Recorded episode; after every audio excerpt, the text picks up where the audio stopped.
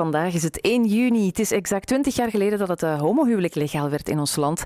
Dat is eigenlijk nog niet zo lang, hè, 20 jaar. Maar anderzijds was België wel het tweede land ter wereld waar het mogelijk werd na Nederland.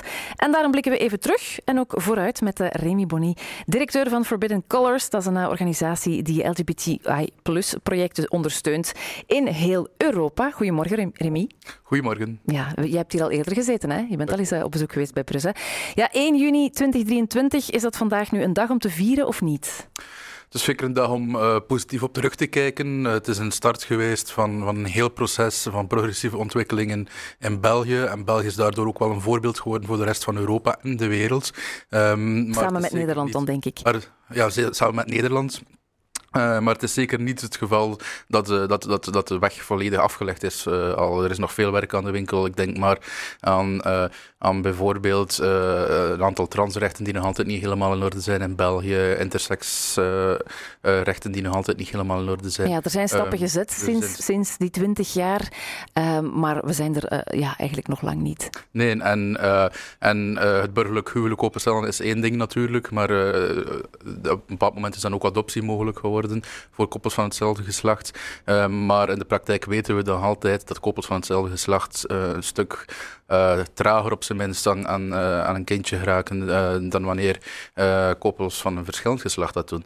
Um, dus maar volgens de rechten zou het eigenlijk wel, dus, volgens, volgens de, de rechten zou het, ongeveer, zou het moeten hetzelfde zijn. Maar natuurlijk, zeker als we naar het buitenland kijken, weten we bijvoorbeeld als bij adoptie er heel wat Afrikaanse landen zijn, maar bijvoorbeeld ook Rusland, als er een kind geadopteerd wordt vanuit het buitenland, dat dat verboden wordt voor, voor koppels van hetzelfde geslacht. Dus eigenlijk zitten we er helemaal nog niet op dat vlak. Um, en dan hebben we het enkel nog maar over het wettelijke. Op, op samenlevingsvlak zien we vandaag ook in België nog altijd heel wat, on, heel, heel, heel wat moeilijkheden. Ik denk maar aan Brussel, waar het toch wel echt moeilijk is in bepaalde wijken uh, om hand in hand uh, over, over straat te lopen. we zagen vorige week nog een betoging van Vlaamse Belang hier in Brussel, ja, waar toch gewoon pure anti-LGBTI-retoriek wordt gespuwd. iets die zelfs meer en meer terugkomt, denk ik, in België. Ja, ja wel, ja, je krijgt ook de indruk, ik weet niet of, of het echt al helemaal kunnen staven, maar je krijgt de indruk dat het soms eerder achteruit dan vooruit gaat. Ja, ik denk dat, dat, we, dat we wel kunnen stellen dat, uh, dat, dat de samenleving meer polariseert en dat, uh, en dat door die polaris polarisering uh, ook LGBTIQ-rechten terug meer onder, onder de radar, boven de radar, op de radar verschijnen, sorry. Um, en um, en um, en dat uh, moet ons toch wel zorgen baren, maar als we vergelijken met tien jaar geleden, zagen we toch echt wel dat, dat, dat, dat het aanvallen van de LGBTIQ-gemeenschap echt not done was. En vandaag zien we mensen als Dries van Langehoven, die drag queen hours en bruggen verstoort, die, uh, die, uh, die, um, naast een, die foto's naast een regenboogvlag neemt en, en op Twitter post en zegt dat dat eigenlijk een pedofiele vlag is. ja, het doet mij zelfs een beetje denken aan wat Jos van de Kastelen vorige week hier bij Brussel zei, van ja, eigenlijk gaan politici geweld gaan legitimeren. Ja, inderdaad. En uh, dat zien we inderdaad, uh, dat zien we eigenlijk, dat is eigenlijk iets dat we, dat we de voorbije jaren, nu zien we dat in België opkomen, dat we ook bijvoorbeeld in Centraal Oost-Europa de voorbije jaren zien. We, we, weten wat er allemaal in Hongarije uh, en Polen is gebeurd. Daar hebben we politici gezien die keer, keer op keer de LGBTIQ-gemeenschap als zondebok hebben aangeduid voor alles die misging in hun beleid. en dat heeft ervoor gezorgd dat ook op straat meer en meer geweld werd gebruikt en gelegitimiseerd werd ten opzichte van de LGBTIQ-gemeenschap. En ja, het moet echt wel zorgen baren dat, dat het ook in België, dat het in België door extreemrechts meer en meer gecapitaliseerd wordt op dit ja, moment. want enerzijds heb je de wet en anderzijds heb je dan ja, de praktijk of hoe, het er, hoe er eigenlijk in de maatschappij echt mee wordt omgegaan. Hoe komt dat dat er toch nog steeds landen zijn ja, waar, het, waar het niet mogelijk is of waar er inderdaad ja, nog wordt opgeroepen tot geweld quasi? Wel, laten we eerst beginnen met te, met te, zeggen dat we in Europa op dit moment leven, uh, dat meer mensen in Europa leven in landen waar het homohuwelijk mogelijk is en in landen waar het niet mogelijk is. Maar het is inderdaad zo dat we vandaag wel zien dat er een soort van roze gordijn uh, op de plek waar het vroeger het ijzeren gordijn liep, uh, ontstaan is als het aankomt op LGBTIQ-rechten, waarbij dat, dat we heel duidelijk zien dat er landen zijn, um, zoals Hongarije en Polen dan, um, waar eigenlijk niet, echt, niet enkel stappen vooruit gezet worden, maar eigenlijk stappen zelfs achteruit gezet worden.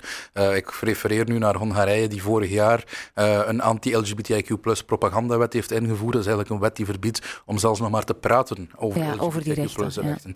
Ehm, die hebben uiteraard ook adoptie verboden. Het wettelijk van geslacht veranderen is, is, verboden geweest in, in Hongarije. maar inderdaad, als je nog niet eens kan praten over, over LGBTIQ plus rechten, hoe kun je dan in, in godsnaam gaan, gaan, gaan strijden voor LGBTIQ plus rechten? En dat is toch wel iets die ons zorg moet baren opnieuw, want het is eerst en vooral een lidstaat van de Europese Unie. Uh, wij allemaal betalen belastingen die naar Hongarije gaan. Um, en het moet ook wel uh, zorgen baren omdat, om, om, om, omdat uh, het ook onze politici inspireert. We zien meer en meer ook Belgische politici op extreem rechts. Mm -hmm, dat maar toch soms ook, ook wel op, op, meer gematigd rechts naar, naar Orbán refereren als een, als een, als een, ja, als een, goede, als een goede bestuurder. niet enkel in België, maar ook toch wel in andere stichtende lidstaten van de Europese Unie.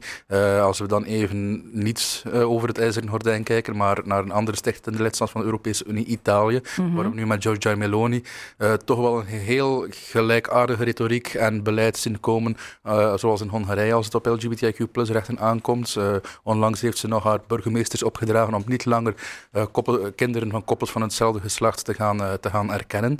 Um, dus ja, zien, daar zetten ze eigenlijk stappen ja, terug. Daar zien we ook stappen teruggezet worden. Ja, en is het dan ook vooral de katholieke invloed daar, het geloof dat zegt van ja, nee? Wel, eerst en vooral moeten we zeker stellen dat eigenlijk Italië geen homofoob of transfoob land is. Als we opiniepeilingen doen, zien we eigenlijk een grote meerderheid die voor het homohuwelijk is. Maar inderdaad, de, de macht van het Vaticaan in Italië is enorm groot. En dat zorgt er eigenlijk al ja, decennia lang voor dat het eigenlijk bijna onmogelijk is om stappen vooruit te zetten. Het is nog maar sinds 2015 dat er uh, wettelijk samenwonen is voor koppels van hetzelfde geslacht.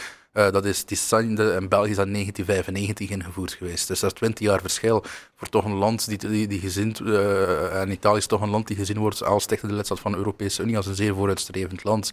Um, dus dat is, ja, dat denk ik toch wel uh, iets die ons zorgen moet baren, omdat net die extreemrechtse ideologie dat we eerder zagen in Centraal- en Oost-Europa echt wel dichter ook bij ons komt. En we zien ook in België, Nederland, Frankrijk in de opiniepeilingen extreemrecht steeds sterker en sterker groeien. En we zien ook die diezelfde anti-trans, anti-LGBTIQ retoriek komen van onze extreemrechtse politici. Ja, dat is een vaststelling, maar vooral wat we daaraan doen en wat doet uh, Forbidden Colors bijvoorbeeld? Wel, het is, uh, het, het, het, is eerst en vooral, we moeten, we moeten heel duidelijk stellen dat, dat wat, wat er nu gebeurt op, op vlak van LGBTQ-rechten samenhangt met wat we, wat we wijder zien uh, in, de, in de samenleving. We zien een grotere polarisering. We zien meer disinformatie um, rond LGBTQ-rechten eh, ook on, ontstaan. Ik denk nu maar aan fake news. Ik denk inderdaad, zoals ik eerder al zei, aan Dries van Langehoven, die, die, die letterlijk LGBTQ-personen linkt maar, maar, maar, wat zet je daar dan tegenover? Um, en ik denk dat het beste antwoord daarop is, is, is, om meer visibiliteit nog te creëren. Is echt om uh, disinformatie bestrijden met inf informa informatie.